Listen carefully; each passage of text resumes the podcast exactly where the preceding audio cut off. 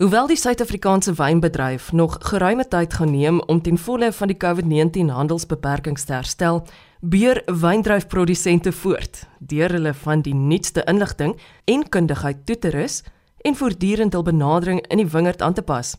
Iwet van der Merwe van die Suid-Afrikaanse Wynbedryf Inligting en Stelsels deel vanoggend opwindende nuus in die verband. Sy is iemand wat self al 'n geruime tyd ons boorde bedank. Eloise, ek is nou al van 1999 af betrokke by die OIV, maar meer uit 'n uit 'n tegniese oogpunt uit. So ek het van toe af gedien op kommissie 3 se werkgroepe. So daar's 4 kommissies binne in die OIV waarvan kommissie 1 is jou is jou wingerd gedeelte, dan kommissie 2 is die wyn gedeelte, dan kommissie 3 is is die ekonomiese en regs uh, gedeelte en dan kommissie 4 is jou uh, gesondheidsaspekte. So ek is by kommissie 3 betrokke al van 1999 af. In kommissie 3 kyk ons na al die ekonomiese aspekte en al die regsaspekte van die OIV. So so die OIV is wetenskaplike en tegniese verwysings organisasie vir vir wingerd en wyn in die wêreld. So daar gebeur in die wingerd en wynspasie kyk hulle na al die tegniese aspekte en al die wetenskaplike aspekte. So ons sal dan as 'n kommissie 3 gevra word om na die ekonomiese aspekte te kyk. So ons sal gevra word om te kyk na wat sou die impak wees op die verbruiker of wat dink wat sal die verbruiker dink van sekere aspekte. Ons kyk na ekonomiese aspekte soos produksiekoste en sulke tipe goed en dan die regsaspek wat baie belangrik is want al daardie goed gaan deurvoer na jou regulasies toe in lande se wette toe en dan hoe dit toegepas gaan word in die onderskeie lande. En dan ons kyk ons ook na die dan net dat die statistiese gedeelte, so dis ook 'n deel van ons werk. So gegee my omgewing waarin ek funksioneer binne in die wynbedryf, was dan nou gepas dat ek dan nou op hierdie kommissie se werkgroepe dien en dit het dan nou so uitgespeel oor tyd dat ek by van die werkgroepe 'n uh, ondervoorsitterskap bekleed het, toe uiteindelik 'n voorsitterskap bekleed. En ja, toe's ek net uh, gevra deur die hoofbestuurder van die OIV of ek nie wou oorweeg om dan die kommissie 3 uh, se voorsitterskap wou uh, oorweeg.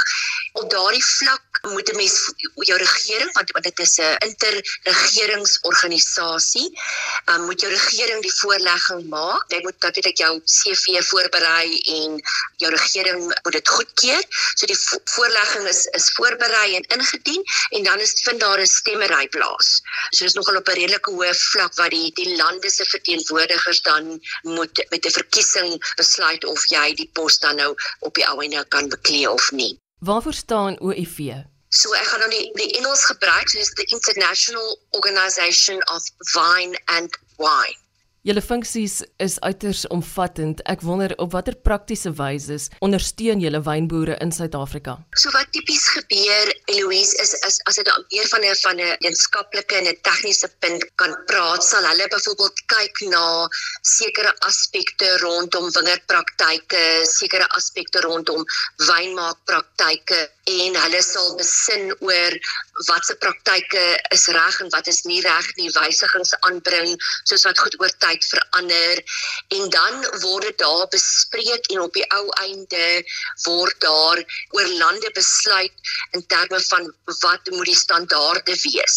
En daardie standaarde raak gewoonlik wetgewing in 'n land. So wat vir ons uiters belangrik is is dat ons daar betrokke is om ons sienings uit te dra en ons ondervinding te deel en op die ou einde seker te maak dat die standaarde wat daar gestel word nie vir ons binne ons eie land gaan kom kortwiek nie maar dan ook nie waar ons uitvoer na ander lande dat dit vir ons 'n uh, probleem gaan wees na in terme van ons handel met daardie lande nie. So daardie opsig is dit baie belangrik dat ons invloed wat ons daar het gebruik om die standaarde te rig en die besluitneming te rig om seker te maak dat dit nie vir ons op die ou einde problematies gaan wees in ons eie land of as ons baas uitvoer nie. En dan is byvoorbeeld in, in my kommissie is dit baie belangrik dat ons die ekonomiese kant en die verbruikerskant uitdra. Mense is baie keer so geneig om na die wetenskaplike en tegniese aspekte te kyk, maar wat beteken dit uit 'n ekonomiese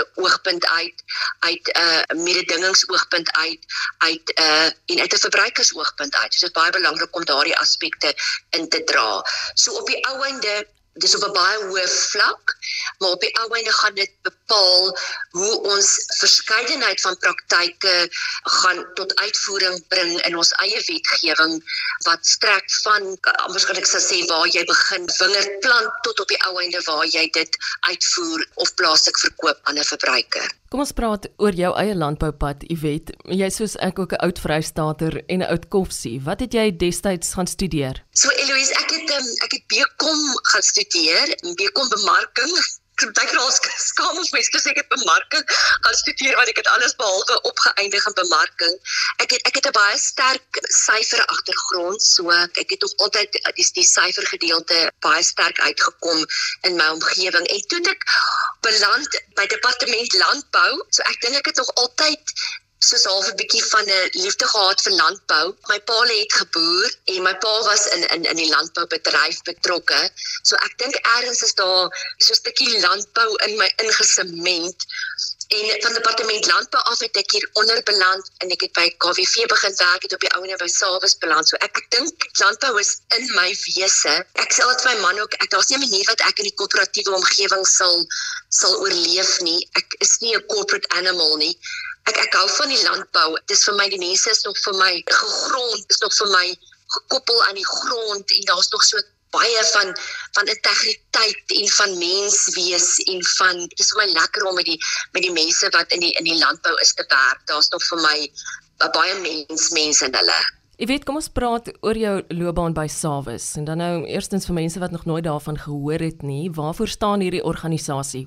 So Salwes staan vir Suid-Afrikaanse wynbedryf inligting en stelsels.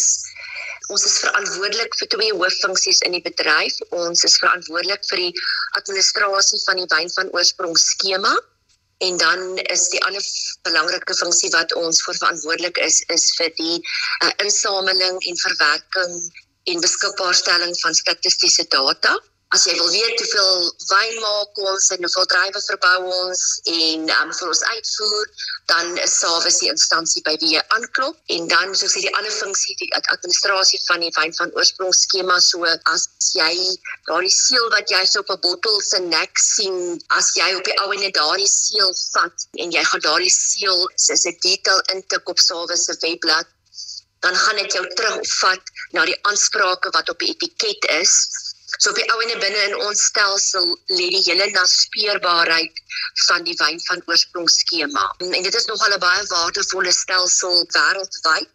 Dit is een van die min lande wat wat so volledige naspeurbaarheidsstelsel het. En waar het jou loopbaan by Savas begin? In 1991 as die inligtingbestuurder. So ek was um, suiwer net vir vir al die inligting en die statistiese data verantwoordelik en so 'n paar jaar daarna het ek die uitvoerende bestuurderspos gekry en ja, dit dit is waar ek nog vandag myself bevind. Wat is van julle mikpunte en van die dinge wat julle hoop om reg te kry in 2022? Eloise, ons het nou uh, 'n uh, projek by die by die OIV aan die gang wat gaan oor die elektroniese uitruil van inligting op die punt waar uh, wyn uitgevoer word. Op hierdie stadium word daar nog dokumentasie uitgereik en van die dokumentasie moet selfs in harde kopie by van die lande gelewer word. En ons is nou besig om 'n uh, projek te loods binne in een van die werkgroepe om te kyk na die uitruil van van inligting elektronies en uh, dit is of weer eens ek dink 'n bietjie vreemde vaarwater vir die OIV want ons gaan met uh, IT tegnologie of met IT kenners op hierdie vakgebied moet werk. Ek ek moet daarom sê binne in die OIV is daar nou erkenning ook vir die hele digitalisering van die bedryf. So ons het so 'n bietjie 'n begroting ook gekry van daardie projek. So ek ek dink dit is een van ons mikpunte is om die projek vir jaar geloods te kry en dan 'n standaard daar te stel wat ons as OIV kan voorlê aan die OIV se oorkoepelende uh, besluitnemings uh, liggaam of besluitnemingsgroep. En dan op die ouene gaan dit as 'n standaard dien wat deur die lande gebruik kan word vir die elektroniese uitruil van data op die punt waar uitgevoer word. En ek, ek dink dit gaan 'n ongelooflike groot hulp wees vir ons lande en 'n ongelooflike groot kostebesparing. So ek is baie opgewonde oor die projek. Die Suid-Afrikaanse wynbedryf is deur 'n ongelooflike moeilike tyd die afgelope 2 jaar. Stem jy saam dat dinge nou vir die eerste keer in 'n lang tyd werklik weer positief lyk? Ja, Eloise definitief. Ek ek dink nie ek, ons is noodwendig uit die diep waters nie. Ek dink daar is nog 'n paar diep waters wat vir ons nog wag. Daar is 'n groot klomp uitdagings vir jaar, maar ek bespeer definitief 'n positiewe gesindheid daar buite as mens met die bedryf praat. En ek wil net baie keer sê ek by gebrek aan 'n Afrikaanse woord, ek is altyd net verstom oor die bedryf se resilience. Dit is net vir my ongelooflik hoe die bedryf net altyd terug regkry om net terug te bons. Weet jy, ek eh, dink 'n mens moet 'n passie hê vir wat jy doen. En as mense passie het vir wat jy doen, dan doen jy wat jy doen voluit. En ek wil ook baie keer net sê dat ek ek glo nogal net in 'n in die gesegde van van Nike wat sê just do it. En baie keer moet 'n mens net goed doen. Dit het nog altyd vir my gewerk dink 'n mens bevind 'n mens baie keer in 'n bedryf wat miskien baie manlik georiënteerd is en ek het dit nog nooit as 'n hindernis gesien nie. Doen net wat jy doen met passie.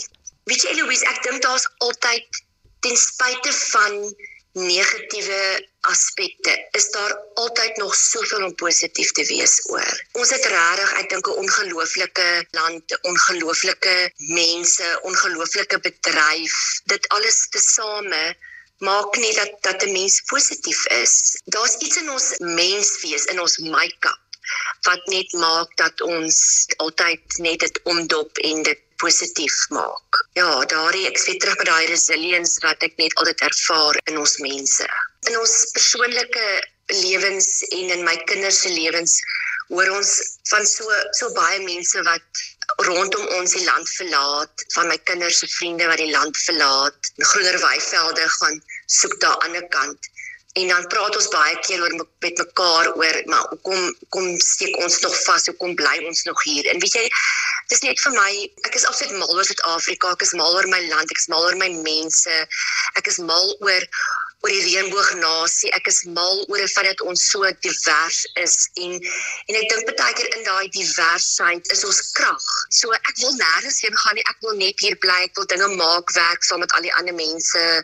Ek is verskriklik lief vir my land en ek is verskriklik lief vir my mense en ek is net verskriklik lief vir my bedryf en vir landbou en vir alles net in die land. So ek wil net hier bly en ek wil dit maak werk saam met al die ander mense plaaslike wyngehalte en die wonder van hedendaagse wingerdbestuur, sake wat Iwet van der Merwe van die Suid-Afrikaanse Wynbedryf Inligting en Stelsels na aan die hart lê. Luister gerus weer na die program na 'n besoek aan die webtuiste van RSG. Binnekort gesels ek en jy weer landbou sake en ons draai by nog begeesterde mense in die sektor. Ek is Eloise Pretorius en ek groet jou tot dan.